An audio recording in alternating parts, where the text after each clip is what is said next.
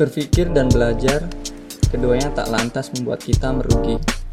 Sebaliknya, justru berpikir dan belajar membuat kita memahami mana yang baik dan mana yang buruk. Terlebih lagi, mampu membuat kita yakin hakikat dari suatu kebenaran. Aku Sonana Rohman, enjoy my podcast.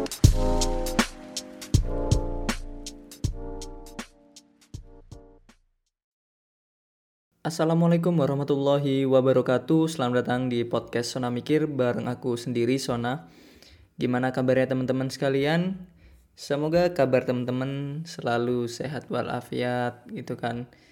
Uh, Yang lagi kurang enak badan Lagi-lagi aku doain semoga bisa kembali ke performa terbaiknya gitu. Dan jangan lupa lah uh, untuk selalu ikuti prokes ya karena emang kondisi lagi ppkm kayak gini kita nggak bisa bergerak bebas gitu kan. Yang lagi kesusahan banget di kondisi kayak gini ya semoga teman-teman apa ya keep struggling dan benar-benar bisa mendapatkan apa yang diharapkan. Seperti itu aku doain lah banget gitu.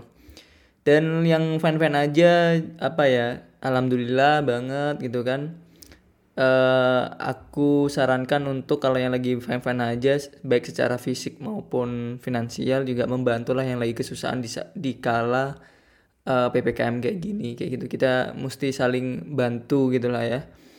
Uh, jangan sampai kita egois berpikir diri sendiri gitu loh karena kondisi kita kayaknya emang seperti perang kayak gitu. Perang melawan ya apa ya secara biologis kayak gini dalam artian melawan melawan virus dan sebagainya. Jadi ya karena memang kondisi perang kita jangan hanya melulu memikirkan diri sendiri tapi juga perlu memikirkan orang lain. Seperti demikian uh, semampu kita lah membantunya. Nah uh, apa yang aku sampaikan itu juga uh, ada kaitan dengan apa yang akan aku bahas di podcast kali ini ya tentang yang namanya volunteerism gitu loh tapi tidak seperti yang kemarin bahwasanya kemarin itu atau teman-teman kalau cross check lagi di podcastku sebelumnya adalah tentang volunteerism aja gitu loh. Nah, kalau di eh, kesempatan kali ini atau episode kali ini bakal ngebahas tentang pendidikan volunteerism untuk siswa. Artinya eh, targetnya itu kepada pendidikan volunteerism ya maksudnya targetnya kepada yang namanya siswa SD, eh, SMP hingga eh, SMA gitu. Sekolah dasar sekolah pertama hingga sekolah menengah atas. Jadi emang uh, aku ngerasa penting banget uh, untuk yang namanya mengajarkan volunteerism di uh, ini ya di usia-usia SD SMP SMA gitu kan sejak dini lah intinya. Karena uh, apa ya biar kita nggak kagok juga biar kita nggak kayak ngerasa asing banget ketika udah masuk masa dewasa ya dari kuliah lah perkuliahan at least. Atau enggak bahkan setelah perkuliahan ya kita baru mengenal volunteerism. Itu seperti apa sih? Gitu loh. Jadi emang mestinya sejak dini atau sejak awal itu udah diperkenalkan atau enggak diajarkan dididik gitu kan si siswa ini terhadap yang namanya volunteerism gitu loh. Alhasil sih itu akan berguna banget uh, apa ya di masa uh, di masa mendatang atau di masa depan dari siswa tersebut gitu loh. Di mana dia juga pasti akan mendapatkan itu di samping uh, orang-orang yang dibantu gitu kan. Tapi dia sendiri juga uh, mendapatkan manfaatnya pasti deh gitu loh. Sedikit kita bahas tentang volunteerism.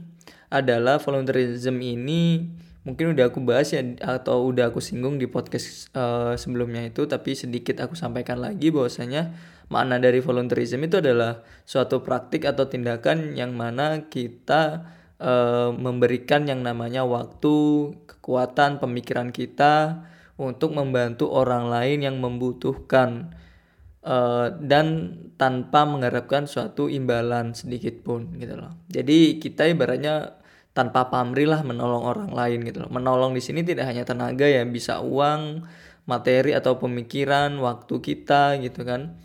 Itu juga di, bisa dikatakan sebagai namanya menolong dan ruang lingkup itu adalah volunteerism. Nah, jadi emang nggak asing sebenarnya bahwasanya kita sering kali ngebantu orang lain kan gitu loh. Tapi kita tidak sadar bahwasanya uh, ternyata itu volunteerism gitu loh. Secara naluri kita udah melakukannya atau enggak emang fitrohnya manusia juga pasti saling membantu gitu loh. Jadi emang volunteerism itu nilai-nilai volunteerism maksudnya itu udah pasti melekat pada diri manusia tapi terkadang kita tidak aware oh ini ternyata volunteerism kok gitu.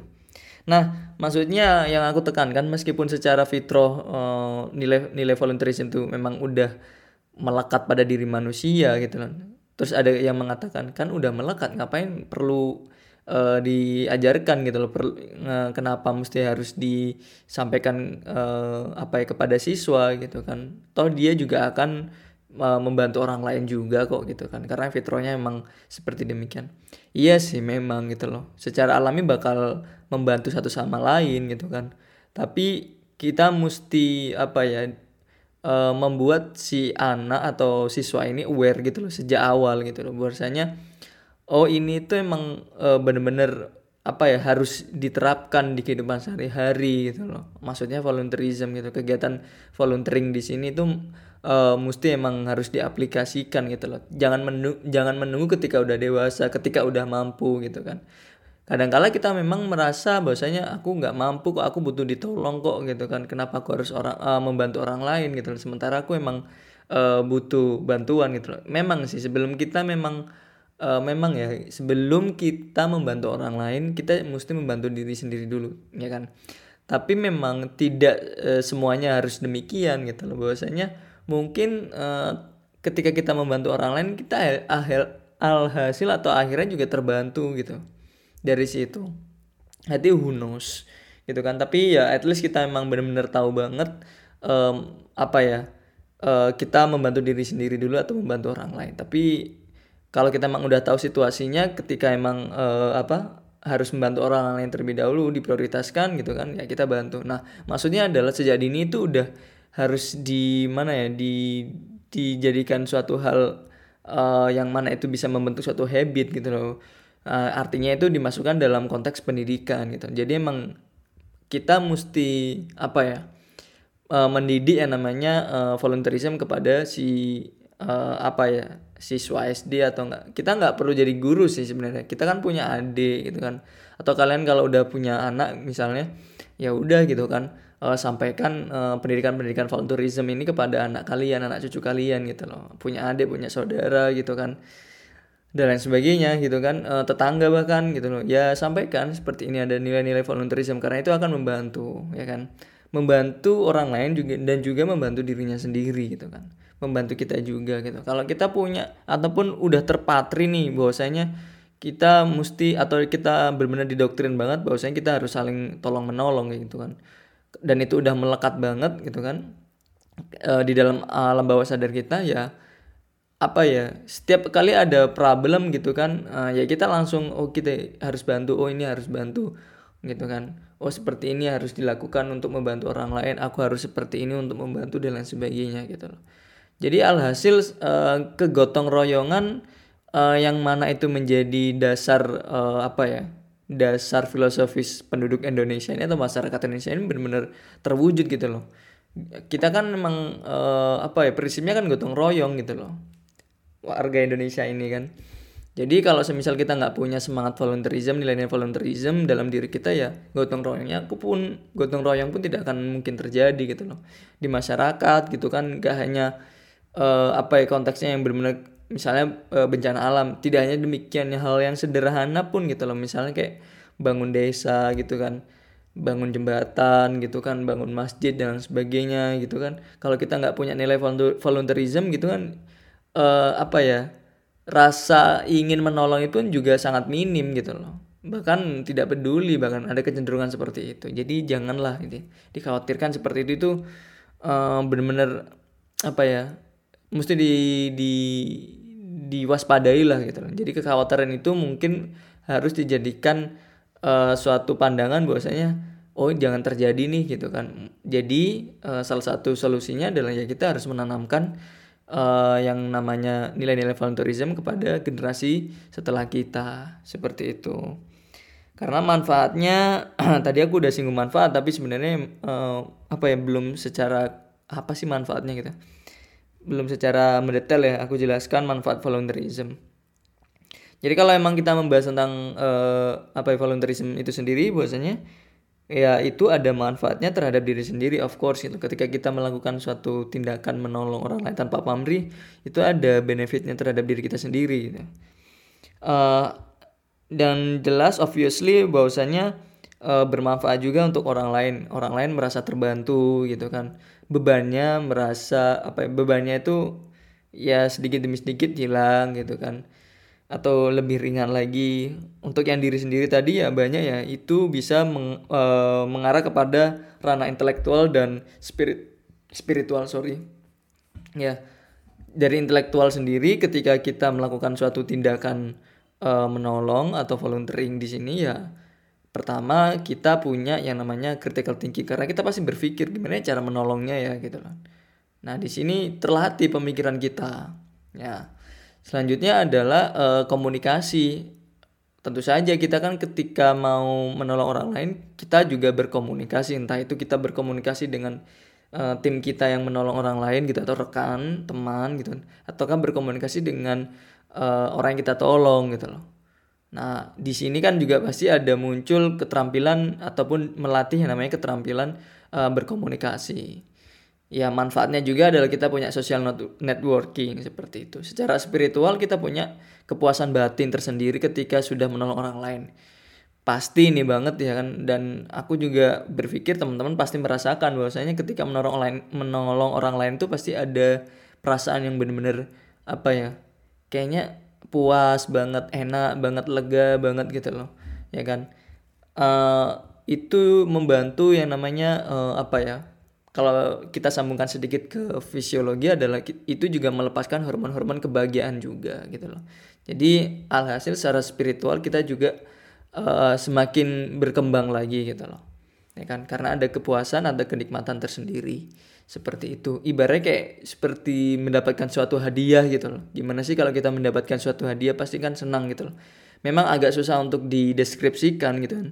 Tapi memang uh, secara efek sama sih dalam artian uh, apa ya yang muncul gitu kan uh, dalam diri kita perasaan kita ya seperti itu rasa bahagia dan lain sebagainya. Dan itu bagus untuk kesehatan mental.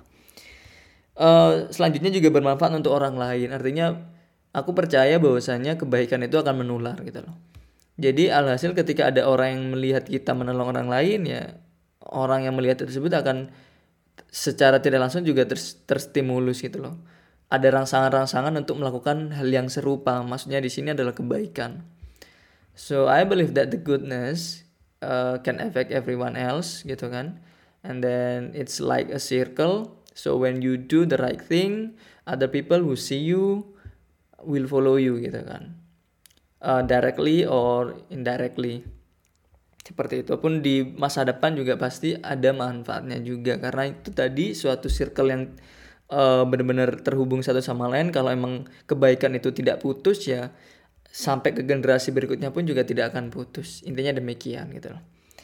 Nah uh, tapi kalau kita membahas tentang kenapa siswa gitu loh karena memang pembahasannya adalah pendidikan volunteerism untuk siswa gitu kan. Kenapa siswa? Ya itu tadi karena sejak awal harus diberikan uh, value-value gitu loh. Karena Uh, mungkin teman-teman kalau dengerin uh, ini ya apa podcastku tentang pendidikan ala Ki Hajar Dewantoro, buat saya emang mendidik itu menuntun gitu loh. Mendidik itu juga uh, salah satunya adalah kita mesti ngomong gitu loh.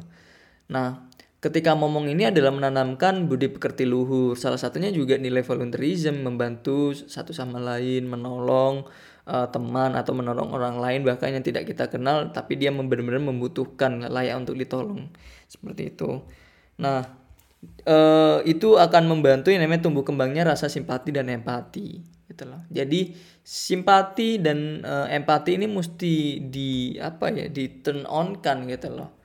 Ya kan? Karena kalau dia turn off kondisinya mati ya ketika ada suatu kedukaan ataupun orang di dekat kita itu apa ya selayaknya memang membutuhkan pertolongan tapi ketika rasa simpati dan empati kita itu posisinya mati gitu kan turn off gitu kan ya se apa ya sesengsaranya apa pun orang-orang sekitar kita yang kita ketahui juga kita tidak ada rasa untuk bergerak sedikit sedikit pun untuk menolong mereka gitu loh.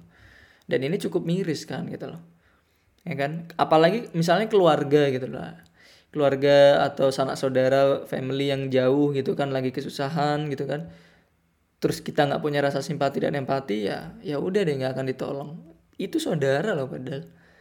Ya cukup miris lah gitu kan ironi banget kalau sampai terjadi demikian. Dan eh, tadi mengapa perlu untuk menumbuhkan yang namanya gotong royong ya kan?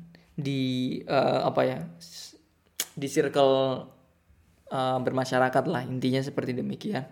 Yang tadi bangun apa gitu bangun jembatan bangun masjid dan sebagainya gitu kan. Nah itu itu uh, berlandaskan dari rasa simpati dan empati uh, dan juga punya tujuan yang sama. Ketika men uh, menolong satu sama lain karena kan punya tujuan tertentu gitu loh dan tujuan itu pasti baik. Nah kalau kita ibaratkan atau let's say uh, apa ya kas kasusnya adalah uh, bikin suatu misalnya pos ronda lah gitu kan terus kita nggak uh, terus kita punya uh, rasa simpati dan empati yang cukup tinggi itu akan sangat bagus. Uh, kita akan menginfluence tetangga kita yang lain itu. Ayo kita uh, gotong royong nih uh, apa bikin pos ronda dan sebagainya itu bagus. Karena pos ronda juga uh, salah satu tujuannya adalah untuk uh, apa ya tempat berkumpulnya orang-orang untuk yang namanya uh, keamanan gitu loh. Ada base campnya di situ. Nah tujuannya adalah untuk rasa menciptakan rasa aman bukan? Dan itu kan bagus gitu loh selanjutnya juga uh, apa ya menginfluence uh, skill kolaborasi dan juga uh, jiwa kolaborasi intinya gitu loh. Karena kita kan berkomunikasi dengan orang lain gitu kan. Uh, gotong royong itu emang perlu ya gitu. Tapi kalau kita nggak punya uh, apa ya jiwa kolaborasi agak susah kan gitu loh. Jadi uh, melalui volunteerism itu menstimulus jiwa kolaborasi kita gitu loh.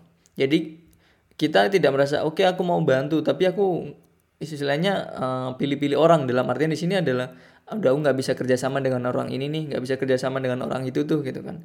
Tapi punya uh, keinginan untuk membantu tapi nggak bisa cocok dengan orang lain. Nah ini kan cukup ber, uh, bukan berbahaya juga ya cukup uh, apa ya minus juga lah ibaratnya gitu loh. Jadi ketika kita mengatakan kolaborasi ya kita punya uh, rasa dalam artian uh, bukan tidak pilih-pilih ya tetap ada unsur pilih-pilihnya tapi at least kita itu bisa membaur dengan siapa pun gitu loh. Kalau kita berkolaborasi oh tipe kali orang yang kayak gini gitu kan. Ketika kita udah punya uh, ini ya nilai-nilai volunteerism dalam diri kita ketika kita mau kolaborasi kita bisa melihat oh ini orangnya kayak gini tipenya. Berarti nanti uh, bekerja dengan dia ataupun eksekusi kegiatan ini eksekusi tindakan ini seperti ini caranya. Tahu seperti itu Nah, itu dimulai dari yang namanya nilai volunteerism, terus menstimulus uh, jiwa kolaborasi gitu kan. Karena di saat kita berkolaborasi gitu kan, kita memang punya tujuan yang sama, tapi kita juga melihat uh, apa ya, uh, siapa sih yang bergandengan tangan dengan kita. Nah, itu loh. Itu nilai-nilai uh, nilai-nilai kolaborasi. Tentunya juga selain daripada itu, si siswa kalau memang diajarkan yang namanya uh, nilai volunteerism sejak dini gitu kan dia punya uh, apa ya suatu skill tentang yang namanya problem solving gitu loh. Yang aku bilang tadi pasti ketika kita membantu itu kita cari tahu gitu kan uh, gimana sih cara menolongnya gitu loh. Jadi nggak asal menolong kan gitu loh karena kita juga terikat satu sama lain dalam artian kita nggak bisa sepenuhnya secara bebas menolong sesuka hati kita gitu loh. Ada norma-norma sosial nilai-nilai agama yang berlaku dan sebagainya gitu kan yang mesti kita taati gitu kan. Kalau kita seenaknya saja membantu orang lain gitu kan eh nyatanya itu melanggar hukum eh nyatanya itu e, merugikan orang lain gitu misalnya. Nah itu kan nggak enak juga gitu. Jadi e, kita kan akhirnya berpikir gitu loh gimana ya caranya menyelesaikan masalah? Ataupun bahkan e, dia e, butuh bantuan nih gitu kan. Tapi masalahnya di mana ya gitu? Jadi tahu core e, problemnya di mana setelah itu alhasil juga memikirkan cara untuk keluar dari masalah itu ataupun menyelesaikan masalah itu dan oke okay deh gitu loh. Jadi ada skill yang namanya berpikir tentang problem solving ketika uh, punya nilai-nilai volunteerism uh, dalam diri kita. Apalagi kalau kita tularkan itu ke siswa atau enggak ke saudara-saudara kita yang masih muda SD, SMP, SMP gitu loh. Nah, kita ajari dia tentang problem solving dalam kasus menolong orang Nah, seperti itu. Uh, selanjutnya adalah uh, kenapa ini juga perlu uh, ditularkan atau disampaikan atau diberikan kepada siswa ya dia pun akhirnya mendapatkan pembelajaran dari yang namanya kehidupan gitu loh. Jadi pembelajarannya tidak hanya dari buku, textbook, tidak hanya dari yang namanya sekolahan saja diajarin guru ini, guru itu gitu kan. Tapi ketika do ya something artinya learning by doing, dia akan mendapati suatu hal. Oh, ternyata seperti ini lo menolong orang lain. Oh, ternyata emang ada orang-orang atau manusia-manusia lain tuh yang tidak seberuntung kita dan sebagainya. Nah, akhirnya kalau memang itu benar-benar bisa melekat uh, pada diri siswa ya dia akan uh, punya rasa syukur juga gitu loh jadi ke, dalam kehidupannya tidak senantiasa lihat di atas saja gitu. Tapi terkadang juga perlu melihat ke bawah kan dan itu kita perlu ajarkan gitu dan tidak tidak apa tidak melulu melihat ke bawah kadang juga lihat uh, ke atas juga. Artinya balance. Di sini ada rasa syukur gitu kan. Oh iya udah bers, uh, udah seperti ini nih alhamdulillah uh, orang di sekitarku ada yang lagi kesusahan dan sebagainya gitu loh. Dan kita bantu dan kita bersyukur bersyukur karena memang kondisi kita seperti ini dan bersyukur bisa menolong dia uh, mengurangi beban dia dan sebagainya. Itu sih uh, kenapa hal ini menjadi perlu untuk diajarkan kepada siswa baik SD SMP atau SMA tapi memang tidak asal ya mendidik uh, ataupun menyampaikan atau menanamkan nilai-nilai uh, volunteerism pada siswa gitu loh ada caranya sendiri gitu kan. Dan itu juga berkaitan dengan jenjang pendidikan mereka. Jadi maksudnya kayak gini nggak mungkin menanamkan nilai-nilai volunteerism itu sama misalnya SD dan SMA. Ya tidak sama karena emang pola pemikiran mereka juga udah uh, berbeda gitu loh. SD seperti apa sih, SMA seperti apa gitu loh. Eh, bahkan juga SMP. Kalau di SD menurutku ya tidak perlu apa ya kayak memberikan satu perkuliahan gitu loh. Volunteerism itu seperti ini, seperti itu mereka juga nggak akan terlalu paham gitu loh karena emang tingkat kedewasaan pemikirannya juga belum nyampe gitu kan. Jadi eh, cara terbaik untuk mengajarkan ataupun memberikan nilai-nilai volunteerism kepada siswa SD adalah ya kita mencontohkan. Nah karena anak-anak itu adalah peniru yang ulung gitu loh ya kan. Dia memang nggak tahu gitu kan ini manfaatnya apa gitu kan ini buruknya apa gitu kan. Nggak tahu gitu maka dari itu sih cara terbaik adalah kita contohkan gitu loh volunteerism itu seperti dengan kita melakukannya dan di, kita ajak dia gitu loh. Kita uh, ajak dia untuk lihat dulu gitu kan. Setelah itu kalau dia udah bisa observe begitu bagus gitu kan uh, berulang kali gitu kan melihat uh, saatnya dia untuk praktik kayak gitu kan. Sama halnya kayak ambil contoh kasus uh, bukan kasus ya. Contohnya adalah seperti ini sih mengajarkan sholat kepada anak gitu kan Iya, ajak aja dulu dia ke masjid misalnya gitu kan. Ajak dulu ke masjid nggak usah disuruh sholat gitu kan. Kan aja aja masjid gitu. Ketika sholat pasti dia akan lihat nih orang-orang melakukan apa sih gitu kan. Nah baru kita uh, nanti sampaikan gitu kan sedikit demi sedikit terus alhasil dia praktik gitu kan. Nah seperti itu dia kan nggak tahu manfaatnya sholat seperti apa gitu kan. Tapi diajak dulu ke masjid gitu kan. Nanti uh, suruh praktekin aja gitu kan meskipun nggak tahu esensinya seperti apa lah lama kelamaan ketika pemikiran yang udah berkembang ya kita baru sampaikan hal-hal yang uh, apa ya yang benar-benar poin utama dari konteks uh, sholat tadi. Nah sama halnya ketika uh, volunteering tadi gitu loh. Uh, menanamkan nilai volunteering. Nggak perlu diajarkan uh, yang filosofis volunteerism itu kayak gini loh dan sebagainya. Harus kayak gini harus kayak gitu uh, poin-poin seperti itu sih bisa di skip terlebih dahulu ya. Tapi emang uh, menjadi primary atau major concernnya ada pada kita memberikan example dulu gitu. So it means that we have to show to the children or elementary school student uh, how to do volunteering kayak gitu uh, many times. Jadi memang perlu beberapa kali ya nggak bisa sekali aja gitu kan. Uh, perlu beberapa kali kita tunjukkan and then stimulate or influence the children uh, to do the same thing gitu. Jadi emang kita sur ajak dia untuk melihat dulu, setelah itu baru yang namanya uh, mempraktikannya atau ya learning by doing di situ.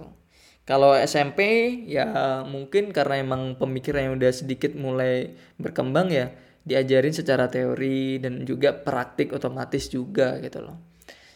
Itu udah jelas uh, teori pemahaman secara teoritis dia perlu untuk diberikan tapi tetap ada yang namanya praktiknya. Nah, kalau SMA sendiri sih uh, memang juga tetap perlu ada secara teoritis uh, di apa ya diajarkan gitu loh. Apa sih manfaatnya volunteering kayak gini kayak gitu. Nah tapi emang lebih banyak ke arah praktiknya gitu loh. Lebih banyak poinnya kepada praktik melakukan tindakan volunteering seperti itu jadi uh, tapi apa ya? Tapi tapi itu bisa diajarkan atau bisa benar-benar teraplikasikan jika memang ru uh, ruangan dalam artian ruangannya ada lingkungan ya lingkungan sekolah di situ benar-benar support banget. Artinya support supporting sistemnya juga benar-benar bagus itu loh. Itu terstimulus melalui kurikulum materi dan bahkan uh, apa?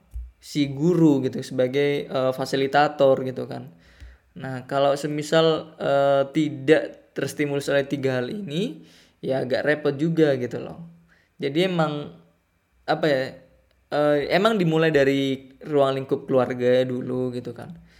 Tapi emang di ruang lingkup keluarga kan uh, terbatas waktunya uh, paling banyak ada di sekolah gitu kan. Nah maksudnya di sini guru terus kurikulum tersebut dan juga yang namanya materi-materi uh, yang ada juga menstimulus si siswa untuk mengenal yang namanya volunteerism kayak gitu. Terus di kehidupan sehari-harinya bersosialnya bermasyarakat dan bertemannya juga itu diaplikasikan. Seperti itu dengan bimbingan juga dari orang tua ya mestinya. Seperti itulah nah konkretnya adalah kalau kita memang e, mau mengajarkan volunteerism e, untuk yang namanya siswa adalah ya pertama kita bisa terjun langsung di masyarakat gitu loh. Jadi misalnya guru mengajak siswanya keluar gitu kan. Terus benar-benar e, apa ya e, tindakan aksi langsung untuk e, yang namanya volunteerism ambil contoh di kondisi kayak gini ya. Tapi mungkin mesti di kondisi pandemi seperti ini ya. Tapi mesti menjalankan prokes juga adalah si guru mesti mulus gitu kan. Ayo kita iuran gitu kan uh, apa uh, uang gitu kan untuk beli nasi gitu kan. Uh, terus selanjutnya kita bagi-bagikan kepada orang yang membutuhkan yang memang nggak uh, bisa makan di kondisi pandemi kayak gini gitu kan. Nah itu hal yang sederhana gitu terstimulus oleh gurunya gitu. Jadi e, benar-benar intinya adalah terjun langsung di masyarakat, membantu secara langsung kayak gitu. Biasanya sih di Ramadan ya gitu kan, ada yang bagi-bagi takjil kayak gitu itu cukup bagus gitu kan, menanamkan e, volunteerism itu di usia dini lah ya gitu. Bagus banget seperti itu, tapi lebih urgent di posisi sekarang nih kayaknya nih. jadi emang banyak sekali kayak misalnya apa ya nih ya, orang-orang jualan lah gitu kan yang bener-bener nggak laku jualannya gitu kan di pinggir jalan. Ya kita bantu dengan apa gitu kan memberikan nasi kotak atau apa seperti itu. Bareng-bareng gitu kan. Tapi emang dibagi ya jangan sampai bergerombol nah, dibagi kelompok maksudnya karena tetap menjalankan progres lah intinya seperti itu Selanjutnya adalah uh, mungkin untuk menciptakan atau menumbuh kembangkan nilai-nilai volunteerism adalah kita juga mesti mengajarkan yang namanya toleransi gitu loh. Uh, toleransi ini penting banget nilai-nilai toleransi karena uh, untuk mengajarkan yang namanya perbedaan sebenarnya gitu loh. Uh, perbedaan inti perbedaan latar belakang, perbedaan etnis gitu, perbedaan uh, apa ya? Kondisi atau keadaan uh, psikologis, kondisi keuangan dan sebagainya gitu toleransi uh, apa ya tercipta kalau kita itu meng, uh, benar-benar mengenal banget uh, yang namanya perbedaan tersebut gitu loh. Jadi intinya adalah ketika kita mau uh, apa menanamkan nilai volunteerism kepada siswa SD, SMP atau SMA adalah uh, salah satunya ya kita ajarkan juga atau kita tunjukkan juga yang namanya uh, toleransi atau yang namanya mengenal perbedaan gitu loh. Kenalkan yang namanya perbedaan ini perbedaan itu. Oh ada perbedaan kondisi ada yang baik dan buruk. Sehingga kita itu paham gitu kan atau enggak siswa ini paham gitu kan. Uh, itu muncul yang namanya toleransi gitu kan. Dan kalau udah punya rasa toleransi tinggi gitu kan untuk yang namanya berkegiatan volunteering ataupun menerapkan volunteering di sini juga insya Allah lebih mudah gitu loh. Karena kita mengenal perbedaan gitu. Misalnya kondisi kita fine fine aja terus ada uh, orang lain yang kondisi keuangannya ataupun memang ekonominya lagi buruk banget nih. Ini kan perbedaan nih gitu. Kalau kita nggak punya rasa toleransi juga ya apa ya kita cuek-cuek aja gitu loh. Kita tidak ada rasa untuk pengen membantu gitu kan. Atau enggak bahkan kita menyinggung perasaan yang ngebully dia gitu kan dan lain sebagainya. Udah nggak bisa bantu jelek-jelekan lagi repot banget nih orang-orang kayak gitu kan. Jadi otomatis gitu kan toleransi jiwa toleransi nilai toleransi itu perlu untuk ditanamkan untuk yang namanya uh, volunteerism tadi nilai volunteerism. Diajarkan tentang yang namanya perbedaan. Untuk mengenalkan perbedaan itu paling enak sih experience secara langsung sih gitu loh jadi nggak secara teoritis tapi emang secara langsung terjun ataupun masuk ke ranah perbedaan tersebut. Intinya seperti demikian. Entah itu kita mengunjungi siapa gitu yang benar-benar berbeda. Mungkin kalau kita ngomongin etnis uh, budaya mungkin ya uh, ke kota lain mungkin gitu kan. Seperti itu diadakan momen untuk ke kota lain tapi mungkin di kondisi kayak gini agak susah ya. Jadi mungkin dalam ruang lingkup yang ataupun di daerah yang sama sih gitu kan. Terus saling uh, apa ya? Uh, saling berkomunikasi lebih intens kayak gitu. Ajak uh, ada beberapa kali pertemuan gitu kan tapi tetap dengan prokes ya intinya demikian. Selanjutnya adalah uh, menganalisis observasi ataupun apa pun itu namanya tentang namanya konflik sosial. Uh, tidak bisa dipungkiri bahwa saya kasus uh, dalam sosial itu banyak banget kan gitu loh dan ketika kita melakukan volunteering itu juga adalah banyak yang apa yang berhadapan dengan uh, sosial gitu loh. Meskipun ada yang juga pendidikan ada juga yang tentang lingkungan gitu loh. Tapi mostly adalah kebanyakan ya kebanyakan itu ada sosialnya juga. Selain daripada lingkungan dan hmm, pendidikan ada juga sih tentang budaya gitu kan. Volunteering di ruang lingkup budaya ada gitu kan. Tapi uh, lebih banyak kasus realnya adalah yang urgent ambil contoh kayak kayak gini kan sosial gitu loh. Ekonomi uh, sosial ekonomi gitu loh. Jadi uh, mengajarkan nilai-nilai volunteerism adalah salah satunya dengan cara uh, apa ya uh, melibatkan atau membuat si siswa itu merasakan konflik sosial. Kayak gitu. Dari situ uh, stimulus tapi memang agak ekstrim juga sih. Jadi, jadi mungkin perlu ada perlindungan lah ibaratnya si siswa ini gitu kan. Uh, karena emang terjun langsung di konflik sosial kan jadi agak bahaya. Tapi itu juga bisa membantu sebenarnya. Tapi emang perlu batasan lah. Jangan sampai terlalu ikut campur banget gitu. Jangan terlalu sampai masuk ke dalam banget. Takutnya juga ada dampak buruk yang terjadi gitu. Tapi at least dia itu tahu oh ternyata emang di masyarakat tuh banyak konflik gitu loh. Ya kan? Oh ada terjadi kayak gini Uh, kalau untuk usia SD sih kayaknya kurang cocok ya, kurang cocok sih gitu kan. Jadi mungkin masuk di ranah uh, eh, SMP atau enggak SMA gitu kan. Kalau SMP mungkin di ranah yang cukup sempit ya konflik sosialnya gitu. Tapi kalau SMA mungkin agak luas lagi.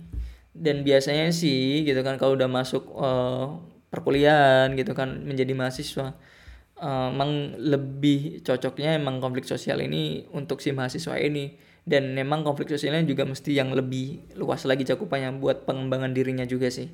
Kayak gitu. Uh, salah satunya juga untuk menanamkan uh, nilai volunteerism.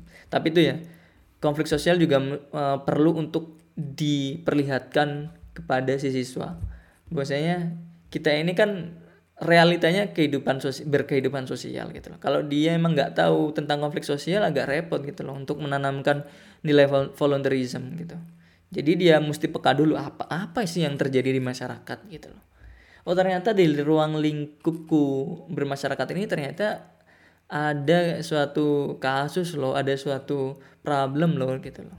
Di situ um, baru disampaikan volunteerism kita harus berbuat apa ya gitu loh, dirangkul untuk uh, menyelesaikan menyelesaikan suatu masalah. Misalnya ambil contoh nih gitu kan uh, Karang Taruna gitu kan. Ada kan anak sis, uh, siswa SMP SMA juga masuk ke Karang Taruna kan di suatu desa atau enggak di suatu wilayah uh, apa tertentu gitu kan. Nah, senior-seniornya atau enggak para orang tua orang tua gitu kan juga mengajarkan eh, ada kayak gini ada gini ayo kita bantu ini ya kita bantu itu dan lain sebagainya. Jadi pergerakan sosial atau uh, gerakan sosial dalam artian di sini adalah uh, Karang Taruna tersebut menjadi uh, apa ya wadah dia untuk belajar seperti itu. Memahami yang namanya konflik sosial. Sekaligus sekaligus juga diajarkan tentang yang namanya uh, gotong royong dan juga nilai-nilai volunteerism tadi of course. Selanjutnya adalah mungkin bisa uh, apa ya minta bantuan kepada para NGO gitu kan. Atau uh, non government organization atau organisasi non profit lainnya gitu kan yang mana bergerak di bidang pendidikan, lingkungan, sosial, ekonomi, budaya dan, dan lain sebagainya uh, untuk ya apa ya mengajarkan itu semua gitu loh. Karena by praktek eh, NGO ini pasti apa ya tahu banget tentang yang namanya volunteerism gitu loh. Tahu banget tentang yang namanya konflik tertentu di masyarakat atau enggak di lingkungan atau pendidikan gitu loh. Serta tahu banget mengaplikasikan volunteering itu seperti apa harus bagaimana tindakan dalam membantu itu seperti apa jadi emang e, misalnya sekolah nih gitu kan e, kolaborasi dengan NGO tertentu gitu kan untuk yang namanya mengajarkan volunteerism gitu. Dari sudut pandang NGO itu. Otomatis kan berbeda ketika sudut pandang dari guru yang mengajarkan dan NGO yang mengajarkan. Seperti itu sih. Misalnya ambil contoh di SD gitu kan uh, SD tersebut minta bantuan dari NGO yang bergerak di bidang uh, apa ya pelestarian satwa misalnya gitu kan. Nah jadi si NGO tersebut datang ke sekolah untuk mengajarkan nah bahwasanya kita mesti membantu nih para satwa kayak gini dan sebagainya gitu kan. Karena satwa dibutuhkan untuk yang namanya ekosistem uh, kita juga gitu. Nah jadi di konteks uh, apa piramida ekosistem itu juga uh, gak ada yang janggal sehingga kalau ada yang janggal itu juga berdampak kepada uh, bio, bio biodiversity yang lain gitu kan. Ataupun nggak spesies-spesies yang lain termasuk manusia jangan sampai uh, ada suatu apa ya kealfaan gitu loh dalam suatu rangkaian ekosistem gitu. Mungkin diajarkan demikian sehingga kita mesti apa? Nah manusia bisa melakukan ini melakukan itu. Itu diajarkan di uh, apa sekolahan tersebut. Bisa kan dari sudut pandang si NGO tersebut. Tidak hanya tadi ya yang pelestarian satwa tapi juga bisa tentang pendidikan, sosial dan lain sebagainya, keuangan bahkan gitu loh. Seperti itu. Uh, selanjutnya adalah menambahkan uh, yang namanya pengetahuan sosial. Jadi tadi kan tentang konflik nih, jadi yang dibahas tentang konfliknya aja. Nah sekarang tentang yang namanya sosial dalam uh, keseluruhan gitu loh. Tapi nggak benar-benar menyeluruh ya karena emang kayaknya luas banget sih uh, memberikan uh, wejangan tentang sosial itu seperti apa sih tapi at least um, apa ya sosial ini kan benar-benar majemuk gitu kan. Um, masyarakat di Indonesia ini benar-benar majemuk. Kehidupan sosial di Indonesia benar-benar majemuk dan multikulturalisme gitu kan.